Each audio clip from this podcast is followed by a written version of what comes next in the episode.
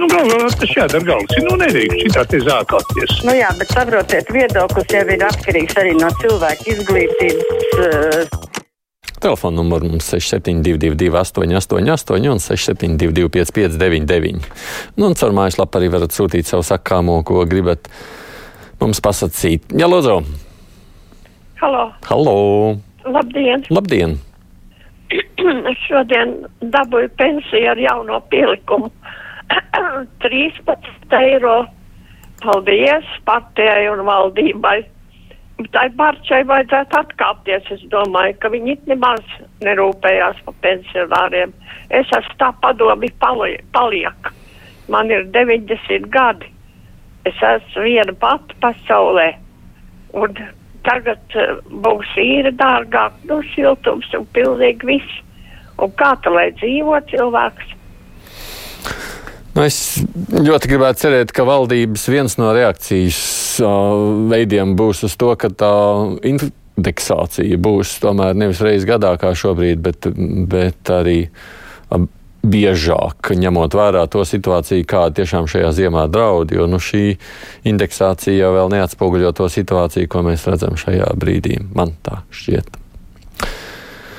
Kaut kāds sviests SPKC sazvanīt ir neiespējami. Bērnam konstatēja Covid. Kas tagad mums ir jādara? Cik ilgi jābūt mājās? Vai var iet uz darbu? Nav nejausmas, raksta Ozevalkungs. Nu, ja jums bērnam konstatēja Covid, tad jūs automātiski, ja esat nevakcinēts, esat kontaktpersona. Ja esat vakcinēts, tad, protams, arī kontaktpersona, bet tur laikam var veikt testu un tad uh, turpināt darbu. Tā man šķiet ātrumā atceroties lietas, bet nu, cerams, ka izdosies sazvanīt. Tā sazvanīšana ir problēma daudz kur. Halo! Labdien! Labdien! Lūdzu palīdzēt ar siltumu pieslēgšanu. Sarkandaugavas ielai 26. Ko, 26. pirmais korpus, otram un sestam dzīvoklim. Dzīvokļi ir stūra. Konkrētam dzīvoklim jau nevar pieslēgt, bet es saprotu, Rīgas siltums ir aicinājis patiešām arī pieslēgt visām mājām. Ļoti ilgi ir novilcis. Ceru, ka atbildīgie jūs dzirdat. To, ko valdība dara, tas ir cilvēktiesība pārkāpums, liedzot cilvēkiem iegādāties drēbes. Tās taču ir pirmās nepieciešamības lietas, jo es medicīniski iemeslu dēļ nevaru vakcinēties. Ko tad man darīt? Valdībai jau vienalga ir. Un drēbes ir lieta, ko internetā nevar nopirkt, jo bieži neatbilst izmēriem, raksta mums Edgars darāt kaut kādu plašāku skaidrojumu, kas tagad notiek ar tiem cilvēkiem, kuriem tiešām ir medicīniskas indikācijas, kuru dēļ nevar vakcinēties. Tādu nav daudz, mēs zinām, bet ir. Un, tām droši vien vajadzētu skaidrību. Halo! Labdien! Labdien! Nu, te kundzīt runāja par pensijām. Nu, es jau arī gribētu druscītiņi izteikties par to, kas ir strādājuši līdz 95. gadam. Man darbs stāsts ir 23 gadi līdz 95. gadam, bet nu valdība ir pieņēmusi tādu lēmumu. Visa vecuma un individualitātes pensijas saņēmējiem pensijas piemaksa par apdrošināšanas stāžu, kas uzkrāta līdz 1995. gadam, tiks piešķirta no 2040. gada. Par to ir arī rakstīts um, pensionāru avīzē, ko izdoda Latvijas pensionāru federācija. Ja varētu vēlreiz, at, man netika ātri pielicis, es esmu grūti galvas. Tātad tās darba stāsts, kas ir bijis līdz 95. gadam, maksās no 40. gada. Tā, vārds sakot, pensijas piemaksa par apdrošināšanas stāžu, kas uzkrāta līdz 1995. gadam, tiks piešķirta no 2040. gada. Neizklausās loģiski, protams, acīm redzot. Es gribu kādu, kurš zina vairāk. Es, es šo avīzi neesmu redzējis, bet tas, ko jūs stāstāt, tur neizklausās nekādas loģikas. Varbūt kā avīzē ir kļūda, bet var jau būt, ka es kaut ko nesaprotu tiešām. Esmu šokēta, ka, lai saņemtu to bezmaksas vakcīnu pēc 65 gadiem pret gripu, vajag ārsta nosūtījumu. Man nebija, un tad tikai par samaksu. Turklāt čekā uzrādīts, ka tas ir maksas medicīnas pakalpojums. Vai tiešām visu vēl tā ir jāsarežģīja, raksta Krališs kundze. Nu jā, gribētos domāt, ja tur ir konkrēts vecums noteikts, un ir skaidrs, ka visiem konkrētā vecumā, tad kāds tur vēl ārsts nosūtījums. Man tā arī gribētos domāt. Klausos. Klausos, labdien! Labdien! Jā, lūdzu! Es gribēju runāt par radio. No. Jautājums ir tāds. Sakiet, lūdzu, kāpēc nevar vakci vienu sestdienās Valmierā viena vieta, viena vieta būtu, kur varētu novakt, novakcinēties. Tas būtu viens. Un otrs jautājums man ir tāds, par ko mēs aptiekās par zālēm maksājam.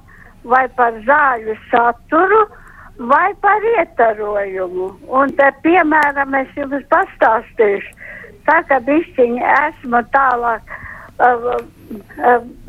darbojusies arī medicīnā, tad tā, tālā jaunībā biceptos maksāja lats ar santīmiem. Tad pagāja laiciņš, kad bicepto vairāk neražoja, nāca berlocīdi. Berlocīds maksāja uzreiz 6-7 lati. Nu, tas nebūs stāsts, protams, par iepakojumu. Tas būs stāsts par to, kā vispār zāles paliek dārgi. Un par to jau mēs patiešām esam runājuši. Tāda tā realitāte, sliktā realitāte tiešām ir. Attiecībā uz iepakojumu es gan zinu, ka aptiekas arī ļauj, pieņemsim, dalīt zāles, izņemt ārā, un tur nekādas iepakojuma cenas netiek pierēķinātas. Visa cieņa polijas tautas daļai, kura cīnās par savu vērtību saglabāšanu. Pēc Britānijas izstāšanās Eiropa varēja būt gudrāka, ka Eiropas Savienība nav padomju savienība, kur saujiņa var uzspiest citiem savas vērtības. Raksta Viktors. Nu, tur jau, kā zināt, ne tik daudz ir stāsts par vērtībām, cik par tiesu varu. Nu, redzēsim, jā, taisnība iestā, izstāties jau no Eiropas Savienības arī poļiem, protams, kā iespēja pastāv, vai viņi to grib, vai viņi to darīs.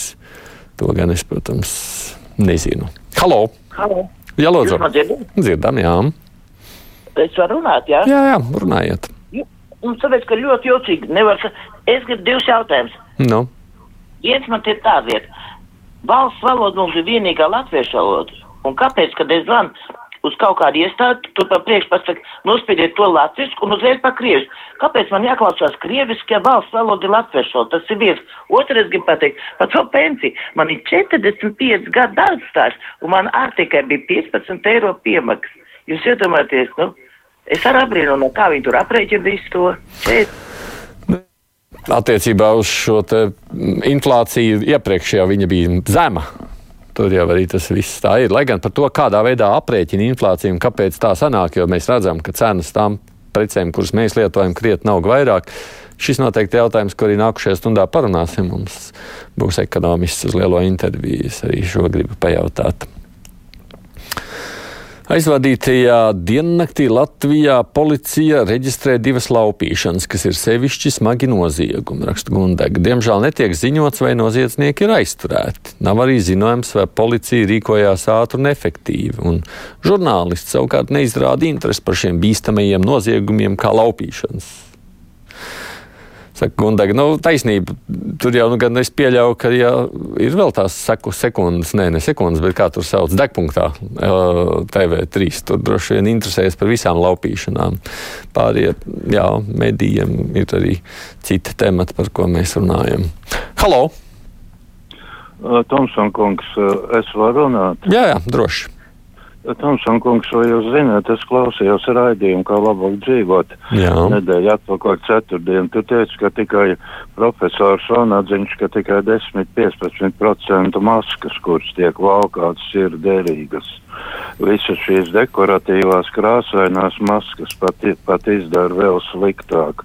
Maskas būtu jāmaina vismaz divas reizes pa dienu un, un, un pēc taisnības, pēc katras uh, uh, lietošanas.